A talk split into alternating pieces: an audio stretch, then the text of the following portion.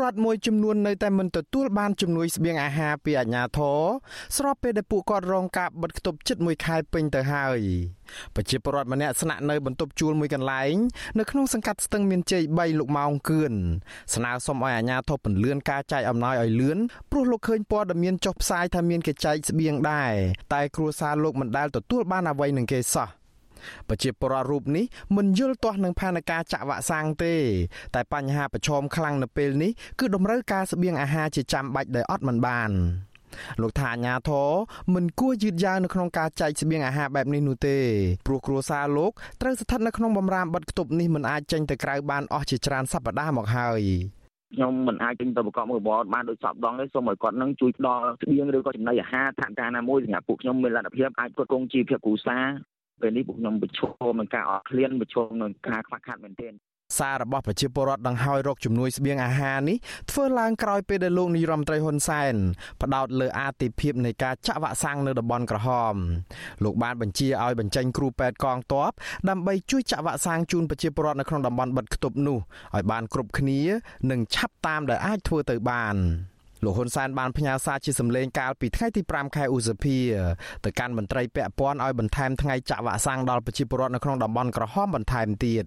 លោកហ៊ុនសែនអះអាងថារដ្ឋមានវ៉ាក់សាំងគ្រប់គ្រាន់សម្រាប់ចាក់ឲ្យប្រជាពលរដ្ឋដែលរស់នៅតំបន់ក្រហមជាង5សែននាក់ព្រោះវ៉ាក់សាំងចិនច្រើនដូសបន្ថែមទៀតនិងបន្តដឹកមកដល់កម្ពុជានៅសប្តាហ៍ក្រោយ វ៉ាក់សាំងសម្រាប់ចាក់ចំនួន52ម៉ឺននាក់នៅក្នុងតំបន់ក្រហម គឺមិនខ្វះទេ ថ្ងៃទី11នឹងមកដល់50ម៉ឺនដុសថ្ងៃទី15នឹងមកដល់50ម៉ឺនដុសទៀតគឺមាន1លើដុសនៅក្នុងដៃបន្ថែមទៀតកាលពីរំលងអាត្រាតថ្ងៃទី5ឆ្លងចូលថ្ងៃទី6ខែឧសភានេះបំរាមបិទគប់រាជធានីភ្នំពេញនិងក្រុងតាខ្មៅដែលបានបិទគប់ក្រុងទាំងពីរនេះអស់រយៈពេល3សប្តាហ៍បានដកចេញវិញហើយ បើទោះបីជាយ៉ាងនេះក្តីតំបន់មួយចំនួនដែលស្ថិតនៅក្នុងតំបន់ក្រហមនឹងបន្តបិទគប់ដដែលតំបន់ទាំងនោះស្ថិតនៅក្នុងខណ្ឌចំនួន6មានខណ្ឌ7មករាខណ្ឌទួលគោកខណ្ឌមានជ័យខណ្ឌរសីកែវខណ្ឌពោធិ៍សែនជ័យនិងខណ្ឌច្បារអំពៅតំបន់លឿងទុំនៅមាននៅក្នុងខណ្ឌចំនួន8ទៀតឯតំបន់លឿងមានក្នុងខណ្ឌចំនួន14 អ្នកនៅតំបន់ក្រហមមិនអាចធ្វើដំណើរចេញក្រៅផ្ទះបានយូរតទៅទៀតរហូតដល់ការឆ្លងជំងឺ Covid-19 នៅក្នុងតំបន់ទាំងនេះថយចុះវិញមន្ត្រីអង្គការសង្គមស៊ីវិលមិនជំទាស់ទៅនឹងការកំហិតដើម្បីទប់ស្កាត់ជំងឺ Covid-19 នេះទេក៏ប៉ុន្តែពួកគាត់បារម្ភថាអ្នករស់នៅក្នុងតំបន់ក្រហមនឹងជួបបញ្ហាប្រឈមកាន់តែលំបាកតទៅទៀតទាំងផ្នែកសេដ្ឋកិច្ចនិងសុខភាពប្រសិនបើអាជ្ញាធរមិនដោះស្រាយបញ្ហាស្បៀងអាហារជូនពួកគាត់ដែលដាច់ស្បៀងទាំងនោះឲ្យបានទាន់ពេលវេលានោះទេ នាយិកាអង្គការអភិវឌ្ឍស្ត្រីក្រីក្រក្នុងទីក្រុងអ្នកស្រីសុំសមនសង្កេតឃើញថានៅក្នុងពេលបិទគប់ច្រើនសប្តាហ៍មកនេះអ្នកដែលលំបាកជាងគេនៅក្នុងរាជធានីភ្នំពេញគឺអ្នកក្រីក្រអ្នកស្រីយល់ថាការបដិញ្ញាចែកអំណោយកន្លងមកគឺជាដំណោះស្រាយល្អប្រសើរក៏ប៉ុន្តែសកម្មភាពនេះនៅមានភាពយឺតយ៉ាវស្របពេលដែលប្រជាពលរដ្ឋក្រីក្រដង្ហោយសុំជំនួយរាល់ថ្ងៃ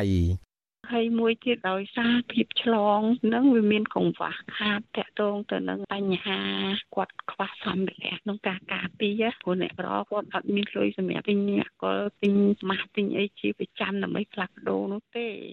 ប្រជាពលរដ្ឋដែលដាច់ស្បៀងបានរិះរកគ្រប់មធ្យោបាយដើម្បីផ្ញើសារចេញពីតំបន់ហាមឃាត់ឲ្យលឺដល់អាជ្ញាធរពាក់ព័ន្ធពួកគាត់សរសេរសារនិងថតវីដេអូបង្ហោះតាមបណ្ដាញសង្គម Facebook និងខ្លះទៀតប្រមូលផ្ដុំគ្នាតវ៉ាតាមមុខផ្ទះនៅក្នុងតំបន់រស់នៅរបស់ពួកគាត់ប្រធានស្ដីទីគណៈបកសង្គ្រោះជាតិដែលរស់នៅនិរទេសខ្លួននៅឯក្រៅប្រទេសលោកសំរៀងស៊ីហួសចិត្តនឹងអាញាធរដែលបិទគប់ប្រជាពលរដ្ឋ ក៏ប៉ុន្តែมันបានដោះស្រាយបញ្ហាស្បៀងអាហារឲ្យទាន់ពេលវេលាដល់ប្រជាពលរដ្ឋទាំងនោះលោកបានអំពាវនាវឲ្យប្រជាពលរដ្ឋចេញតវ៉ារឿងដាច់ស្បៀងនេះលោកសំរៀងស៊ីក៏បានណែនាំឲ្យប្រជាពលរដ្ឋសរសេរលិខិតទៅប្រធានអង្គការស្បៀងអាហារពិភពលោកដើម្បីសុំជំនួយដែរក៏ប៉ុន្តែរដ្ឋាភិបាលចាត់វិធានការទប់ស្កាត់និងបង្ក្រាបអ្នកដែលហ៊ានក្រោកតវ៉ាឬស្រែកដង្ហោយរកស្បៀងអាហារនេះដោយចាត់ទុកទង្វើបែបនេះថាជាការវាយប្រហារនិងរំលោភច្បាប់និងប្រមានចាត់វិធានការផ្លូវច្បាប់ដោយពំលើកលែងប្រសិនបើរកឃើញនៅមានអ្នកបន្តផ្សព្វផ្សាយព័ត៌មានបែបនេះទៀតបើទោះជាយ៉ាងនេះក្តីអង្គភាពអ្នកណែនាំពាក្យរដ្ឋាភិបាលលោកហ៊ុនសែនប្រកាសលេខទូរស័ព្ទដល់អ្នកដែលត្រូវការស្បៀងអាហារជាបន្ទាន់ឲ្យហៅទៅកាន់ប្រព័ន្ធទូរស័ព្ទមួយចំនួនរបស់រដ្ឋបាលរាជធានីភ្នំពេញនិងរដ្ឋបាលក្រុងតាខ្មៅរួមទាំងអង្គភាពនេះផ្ទាល់ផងបើដាច់ស្បៀង អ្នកខ្លាំមើលសង្គមថាបរដ្ឋាភិបាលពិតជាយកចិត្តទុកដាក់ដល់អ្នកដាច់ស្បៀងមែនជាការងាយបំផុតគឺគ្រាន់តែប្រញាប់ឆ្លើយតបតាមសំណូមពរនិងសារដង្ហោយរកស្បៀងរបស់ប្រជាពលរដ្ឋដែលផ្សាយតាមបណ្ដាញសង្គម Facebook និងប្រព័ន្ធផ្សព្វផ្សាយនានាដែលមានស្រាប់ដោយមិនចាំបាច់រងចាំប្រជាពលរដ្ឋទូរស័ព្ទទៅលេខមន្ត្រីទាំងនេះនោះទេព្រោះប្រជាពលរដ្ឋទាំងនោះមិនដឹងទៅរកមន្ត្រីទាំងនេះដោយរបៀបណាបើពួកគាត់មិនអាចធ្វើដំណើរចេញពីតំបន់ហាមឃាត់បាន វិធានការរបស់រដ្ឋាភិបាលលោកហ៊ុនសែននេះរងការរិះគន់ពីមជ្ឈដ្ឋានជាតិនិងអន្តរជាតិថាធ្វើឡើងច្របូកច្របល់តាមការនឹកឃើញគ្មានផែនការច្បាស់លាស់និងកំពុងតែធ្វើឲ្យប្រជាពលរដ្ឋនៅក្នុងតំបន់បិទគប់ប្រឈមកាន់តែខ្លាំងនឹងបញ្ហាដាច់ស្បៀងពួកគេជំរុញឲ្យរដ្ឋាភិបាលបញ្ឈប់ការបង្ក្រាបពាក់ព័ន្ធនឹងករណីទប់ស្កាត់ជំងឺ Covid-19 ហើយងាកមកគិតគូររឿងចែកស្បៀងដល់ប្រជាពលរដ្ឋដោយសហការជាមួយនឹងអង្គការជាតិនិងអន្តរជាតិ ខ្ញុំបាទមុងណារ៉េត With you Azizi Saray ប្រធានាធិបតី Washington